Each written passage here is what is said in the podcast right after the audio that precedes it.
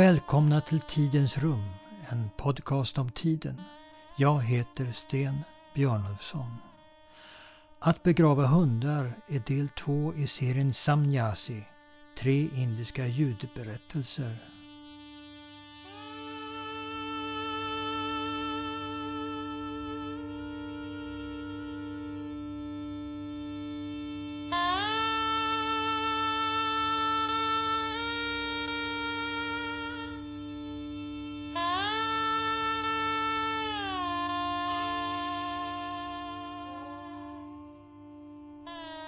En samyasi är en person som uppnått en andlig insikt. Det här tar mycket lång tid.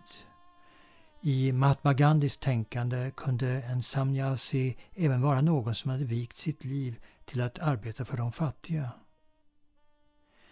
Man kan tänka att berättelsen att begrava hundar inte har så mycket med tiden att göra. Det har den. Den berättar om en historiskt mycket lång konflikt i indiskt samhälle den om kasttillhörighet, om olika sätt att försöka komma förbi kastfördomarnas sociala stigma som förföljer människor i generationer. Den här berättelsen utspelar sig i Kasturbagram 1970. Men konflikterna finns också idag. Kasturbagram är en institution och centrum för Mahatma Gandhis rörelse.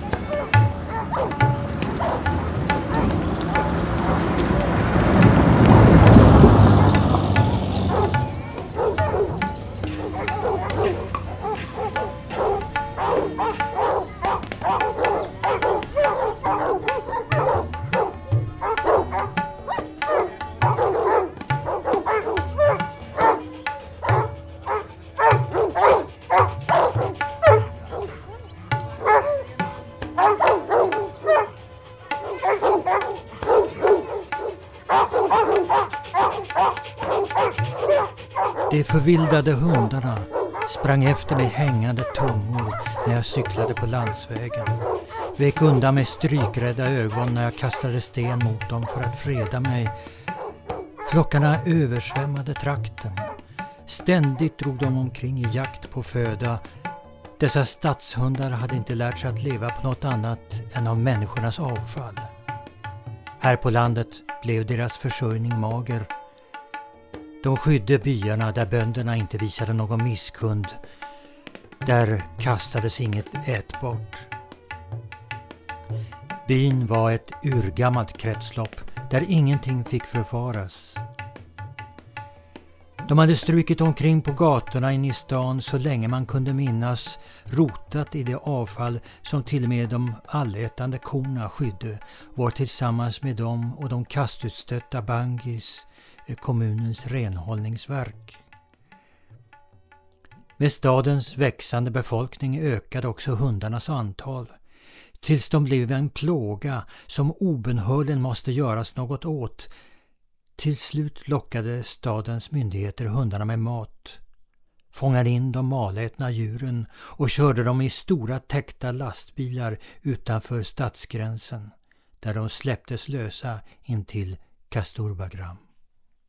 Stormötena på Kasturbagram ville aldrig ta slut. En del av hundarna bar på rabiessmitta. Här måste tas egna beslut. Gick det att fånga in och flytta någon annanstans? Nej. Kasturbagrams invånare var intelligentare än stadens förvaltning. Saken föll på sin orimlighet. Kunde inte staden komma och hämta tillbaka djuren? Det var ändå deras hundar. En delegation skickades in till Rajvada, det gamla Rajapalatset, där statsförvaltningen nu huserade efter att Marajorna hade mist sin makt. Superintendenten som stått i ledningen för eh, hundaktionen svarade efter en längre konsultation med statsförvaltningens jurister att förvildade hundar som befann sig utanför stadsgränsen inte föll under Municipality Act och således inte heller under statsförvaltningens ansvarsområde. Hela nästföljande natt strök hundarna inne bland husen, vädrade i dörrarnas springor efter något ätbart.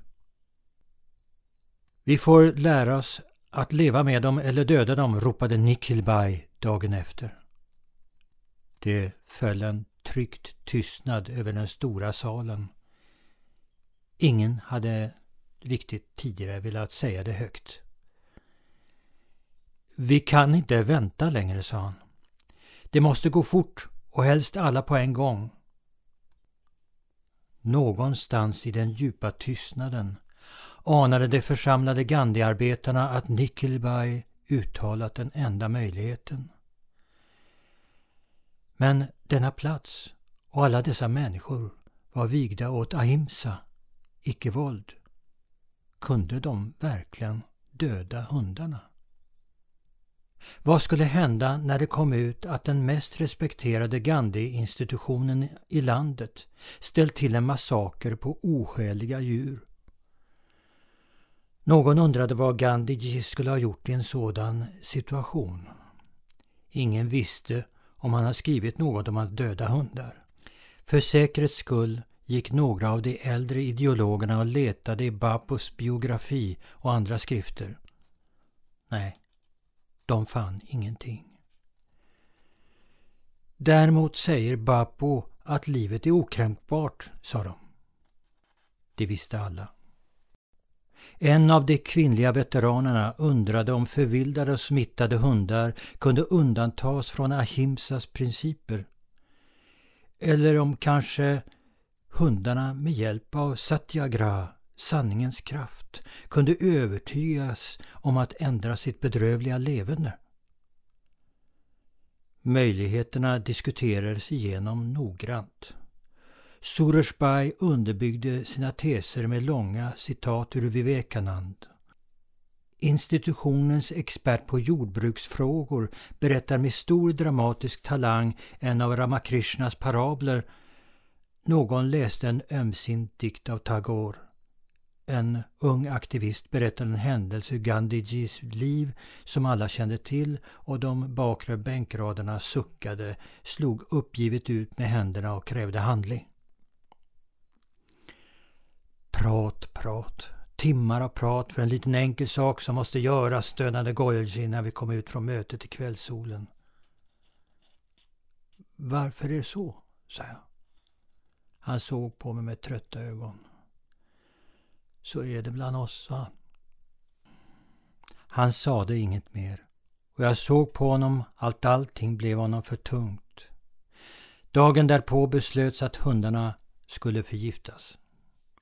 Ett hemligt bud, en pålitlig man från traktens skuggvärld känd för sin tystlåtenhet, skickades in till staden för att köpa kött och cyankalium.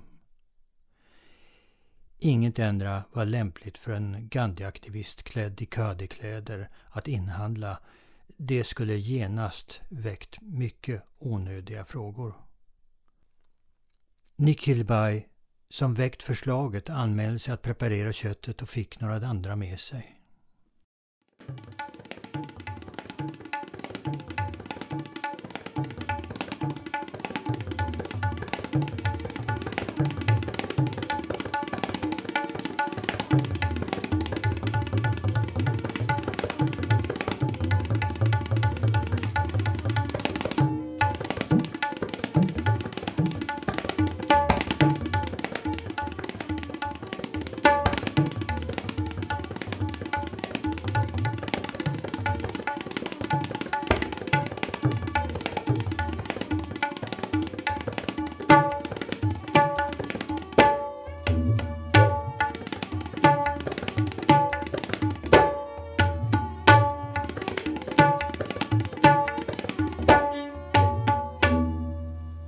Hundarnas död måste ha varit ögonblicklig. De 50-60 liken låg utspridda på marken runt köttstyckena med brustna ögon och tungorna hängande ut ur munnen. En djup grop var grävd strax intill. Att handskas med kadaver efter döda djur var bangis, latrintömmarnas eller Chamars sak, läderarbetarna. Och för en äkta gandian skulle det inte varit något stort problem.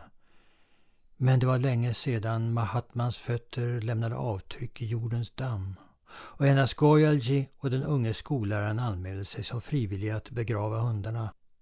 Det behövdes fler att hjälpa till. Man hade hoppats på Nikilbai men han hade hastigt givit sig av på tjänsteresa. Att skicka efter några bhangis eller chamar från grannbyarna var uteslutet. Institutionen skulle göras till åtlöje.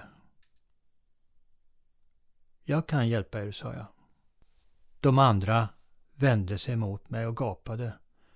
Jag var trött på allt tjat. Varken brahmin eller hindu var saken inte så märkvärdig för mig. Goyalsis tyngda ansikte slätades ut i en oändlig tillfredsställelse över den självklarhet med vilken jag beträtt Gandhijis väg mot en framtida värdighet. Skolläraren mötte oss på avrättningsplatsen där flugorna redan kryllade i mörka kakor på hundliken. Han blev glad över den oväntade hjälpen. Han var en sympatisk man, endast några år äldre än jag, med ögon som plirade av snabba infall. Arbetet kunde inte vänta. För var timme liken låg i middagshettan steg stanken. Goelji och jag tog tag i den närmaste hundens fram och bakben och svingade kroppen ut över gropens kant och släppte. Så samma med nästa. Det finns även en ordning med en massgrav. Vi la kropparna sida vid sida så tätt vi förmådde sikta från gropens ovankant för att få gropen att räcka till för alla. Skolläraren släppade fram djuren som låg längre ifrån och Goelge och jag fortsatte att hevja ner dem. Vi hade alla tre intagit våra platser på ett självklart sätt. När vi fått ett lager i gropen täckt hällde läraren över ett tjockt lager vit kalk innan vi började med nästa. Arbetet löpte på. På behörigt avstånd samlades en allt större skara män och kvinnor. De såg på oss under tystnad. Men ju längre begravningen fortskred hördes ett allt högre förundrat sål där bortifrån. För att till slut stiga till ett segerjubel när vi äntligen kunde ta till spadarna och täcka över den kadaverfyllda gropen med ett ordentligt jordlager. Så var allting klart. Försiktigt närmade sig de kaderklädda bröderna och systrarna och gratulerade oss. Ni kunde ha hjälpt till, klippte Goyalji ilsket. Gud har sänt vår broder för att hjälpa oss att begrava dessa hundar, sa en ung kvinnlig aktivist och pekade på mig. De andra instämde högljutt och strålade mot mig. Jag torkade av händerna från jord för att göra av min förvirring någon annanstans och försökte förklara att Gud inte alls hade något med det här att göra utan att jag hade anmält mig själv. Deras beundran välde som en hastigt jäsande deg. Gör inte det här för stort. Det är inget behagligt göra men det är ändå fort över, sa jag men ångrade hastigt min lättvindighet.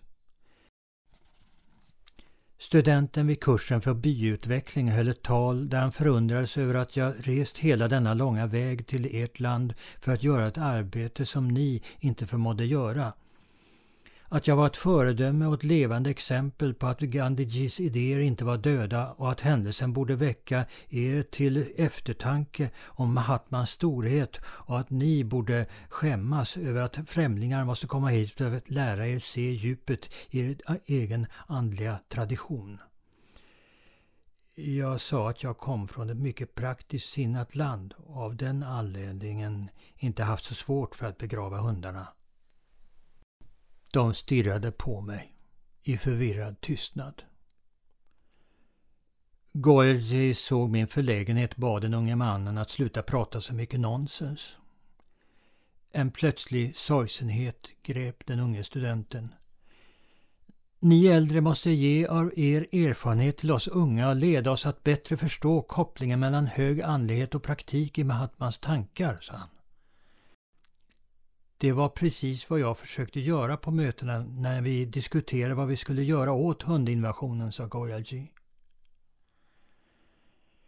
Någon sa att Goyalji visst haft rätt men att hans häftiga humör fått dem att inta motsatt ståndpunkt då att tålamod var människans ädelsten.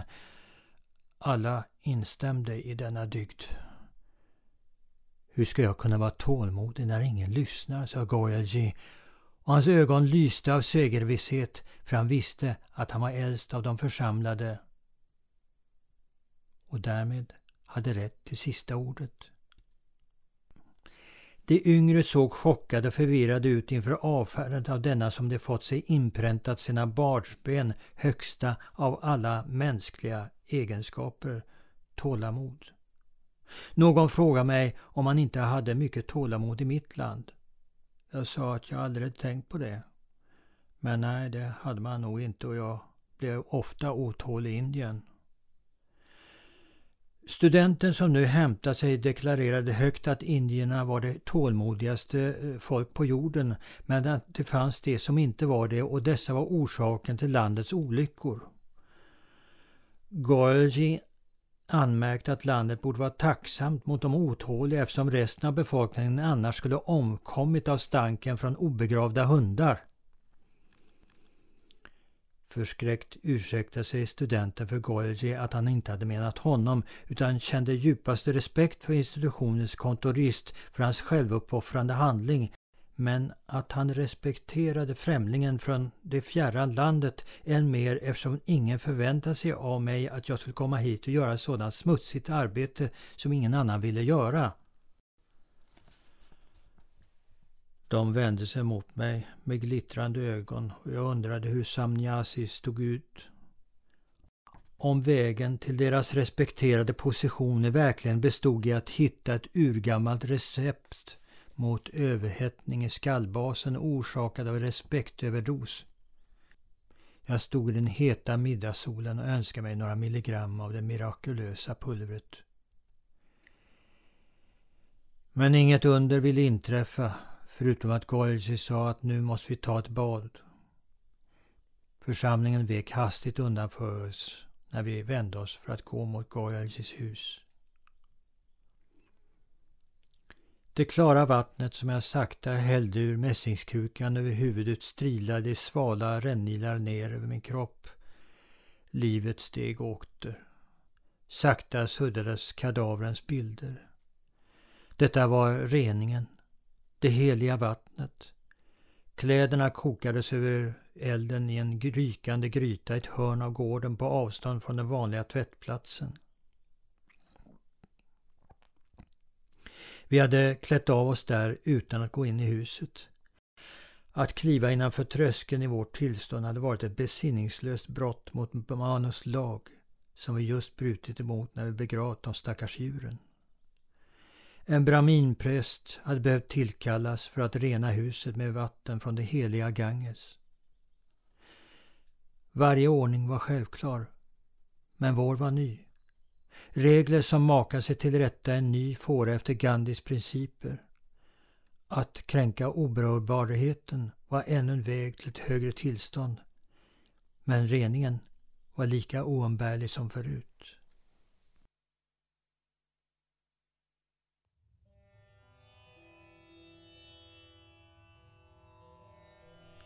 Goyaljis son la upp maten.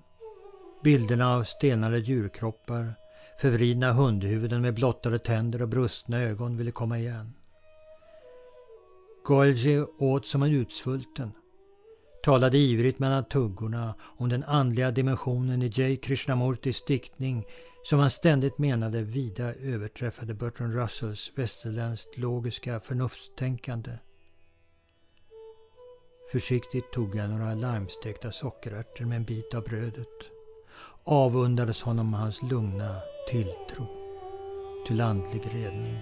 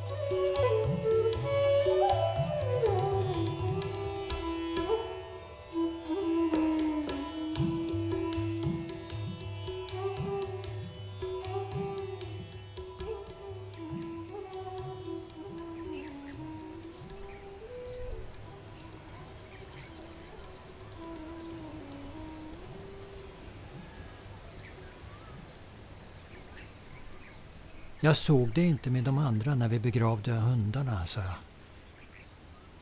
Du undrar om jag var besviken? Jag skyndade mig genast att säga nej. Hon gick tyst bredvid mig på stigen mot Pipliapala, Den lilla dammen, den enda vattensamling på några mils avstånd. Ett mycket litet moln svävade på den ständigt vinterblå himlen den första som synts på månader. Jag blev upprymd av att se den lilla tussen högt där uppe. Ett litet skepp med boksprötet mot väster. Stilla låg det i väntan på vind. Jag undrade om du kunde tänka dig att begrava hundar? Du fick något avvaktande i blicken. Länge hade jag nosat i våra argumentationer om världen och byarna. Äntligen anar jag en öm punkt i din övertygelse.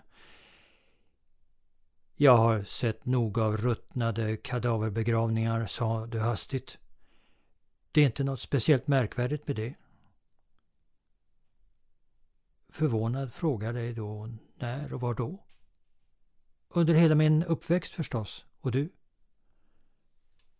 Man hade berättat för dig att eh, jag hade slängt ner hundliken så lättvindigt som att det var en gammal vana. Nej, nej, skrattade jag. De döda djur jag har tagit hand om är möss tillplattade av fällorna eller halvätna av katten. Jo, min barndoms älsklingsmarsvin som jag en gång hittat likstel i sin bur en morgon begravde jag i en skolåda. Huggormarna som vi slog ihjäl la vi på myrstacken. Du gick tyst och såg mot slättens horisont med den där blicken som jag hade så svårt att förstå. En blandning av milt överseende och trovisshet att du en gång skulle komma ända dit bort, där himlen mötte jorden. Du såg inte dig själv som så viktig och kanske inte ens jag. Vi var endast partiklar i ett stort sammanhang. Du sa att din familj tillhörde slaktarkast och det var därför du har sett alla dessa döda djur. Du sa det som ingenting men jag förstod plötsligt att du hade en lång historia som jag inte visste något om. På Kasturbagram är vi alla bröder och systrar. Kast betyder ingenting, sa hon. De flesta på institutionen är ände och braminer och ser väl detta med döda djur på ett annat sätt än du? Försökte jag. Jo, sa du. Med den självklarhet som ni uttrycker de ofrånkomliga olikheterna mellan er. Där allt är givet i ett höga hus av pelare i våning efter våning. Ett torn där alla måste bära upp taket men de längst ner mot marken bär upp allt. Min far lämnade kastyrket och vi är vegetarianer nu, sa du. Att äta kött vore att gå tillbaka till en tidigare tillvaro och vi skulle åter sjunka i respekt hos de högre kasterna. Jag undrade om din far verkligen varit tvungen att byta yrke för bara det och du såg på mig som om jag var ovanligt dum. Hur skulle vi annars kunna bli vegetarianer? För en slaktare är köttet den billigaste maten, till och med billigare än grönsaker. Så din familj blir mer respektfullt behandlad nu då? Du tänkte länge och sa till sist att det var ändå den enda möjliga vägen. Din far var tvungen att arbeta som vårdare på ett sjukhus. För att bekosta din utbildning hade han ändå i hemlighet tagit extraarbete som slaktare i en annan del av stan där ingen kände honom. Då hade han kommit hem först sent på natten för att sedan stiga upp tidigt nästa morgon och gå till sjukhuset. Jag nickade tyst.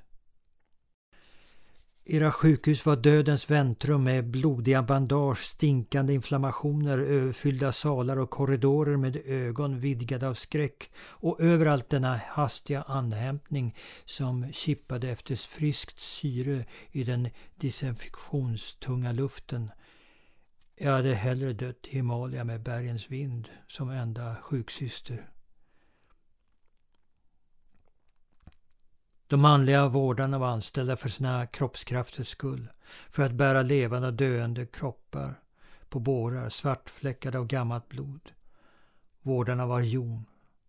Fårade ansikten som gled förbi och förväxlades med nästa. När jag frågade dig om du själv begravt kadaver svarade du häftigt att eh, ni i din kast inte handskades med självdöda djur. Att det var bangis och andra ka kastlösa saker att eh, din far eller hans far för honom aldrig skulle ha drömt om att göra det ens när de arbetade i sitt kastyrke.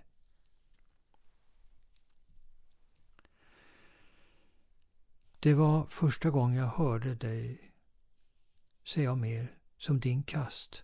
Och jag påpekade detta noggrant samt att du alltid dittills menat att kast inte betydde något för dig. Jag är född igen och hur ska jag kunna göra något åt det, sa du. Jag sa att du missuppfattade min fråga och undrade om du nu som Gandhiarbetare begravt döda djur. Om jag var tvungen så skulle jag göra det, men inte i min hemstad. Folk älskar att skvallra. Många i vår kast säger att min far vill vara som en bramin. Han skulle ha blivit ursinnig om han fått veta att jag begravt döda djur. Jag måste visa respekt för hans beslut att höja vår familjs anseende.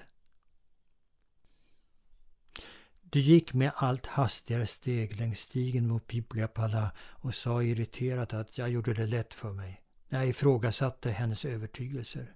Att saken var enkel för mig därför att vi inte hade några stränga regler kring saken och vi kunde göra som vi ville. Vi överlåter nog helst till renhållningsverket att ta hand om de döda djuren, sa jag. Men inte du, sa du och sneglade på mig ur ögonvrån med en ironi som jag inte alls tyckte om. Du gick nu med lättare steg. Jag letar inte efter sådana uppdrag, sa jag kort. Brukar ni tjata på era kvinnor så att de ska skaffa undan hunden som blivit överkörd utanför huset? Vad gör ni män egentligen i ditt land? Dricker ni bara te? Vi dricker mest kaffe. Du avfärdar mig med dumt prat, sa du. Själv tar du dig rätten att ifrågasätta mig i saker som är mycket svårare och mer komplicerade än du kan ana. Jag sa att jag såg saken på ett principiellt plan och jag ansatte dig för att få veta vad du eh, och ni eh, ser och tänker omkring den här saken. Du stannade och såg på mig med vidöppna ögon som svartnat av ett plötsligt vinddrag. Du sa att du inte förstått tidigare att jag träffade dig för att eh, du var en intressant princip utan att du hade trott något helt annat. Men hur som helst så var det lika bra nu att du hade fått veta hur saken låg till. Jag gapade inför denna plötsliga komplikation och sa att jag inte alls såg dig som en princip. Du undrade varför jag sagt det om jag inte menade det. Det har jag inte sagt, sa jag. Jo, sa du. Nej, sa jag. Jo, nej, jo, nej, jo. Jag sa att jag tyckte om dig. Och, sa du, bara det. Och jag tycker mycket om att prata med dig. Du sa att du inte ville vara ett etnografiskt objekt i mitt undersökningsprojekt om kastfördomar och vidskepelse i det moderna Indien. Jag sa att eh, jag förstod det mycket väl och att du inte heller var det. Du sa då att eh, jag bara tyckte om dig för att du var en sån utmärkt princip att studera. Jag stampade i marken som var hård av torkan och sa att det var då helvete och en hel del andra saker. Och du såg på mig med ett plötsligt intresse och sa att du aldrig hört mig tala på mitt eget språk, att det lät roligt. Du undrade om jag kunde översätta. Jag sa trött att eh, jag helst nog inte gjorde det. Du stod framför mig på den där knastertorkade stigen till Piplepalla med den där stolta hållningen som ni kvinnor har. Som kan få det mest tjockhudade att bli en smältande elefant. Och jag förstod inte hur snabbt du raserade mina försvar och inte begrep jag hur det gick till. Du stod där leende med den skarpa solen i ansiktet, vita tänder, mörk hud. Ditt ansikte kunde så plötsligt växla från mörkt allvar till stort välkomnande öppenhet. Du vill bli en samnyasi, men har för bråttom. Dessutom säger inte samnyasi sådana saker som du säkert nyss sa på ditt eget språk, sa hon. Jag stod tyst i djup förvirring. Jag sa att det var en löjlig tanke att jag skulle vilja bli en samnyasi. Är det? Ja. Samnyasis är er sak, inte min. Människor i mitt land avskyr upphöjdhet och jag vill inte komma hem och bli utskrattad. Du fick den där rynkan i mellan ögonbrynen. Du undrar om jag verkligen var säker på min sak. Någonstans kanske jag inte var det, men det sa jag inte. Hur skulle jag kunna bli en samnyasi med dig i närheten? Undrar jag. Ditt ansikte fick den där egendomliga färgskiftningen som ni får när ni rodnar. Du sa att du inte ville hindra mig i vad jag ville företa mig utan skulle i så fall genast resa hem till dina föräldrar. Jag bad dig att inte göra det och du såg nöjd ut. Sida vid sida fortsatte vi längs stigen utan att säga något.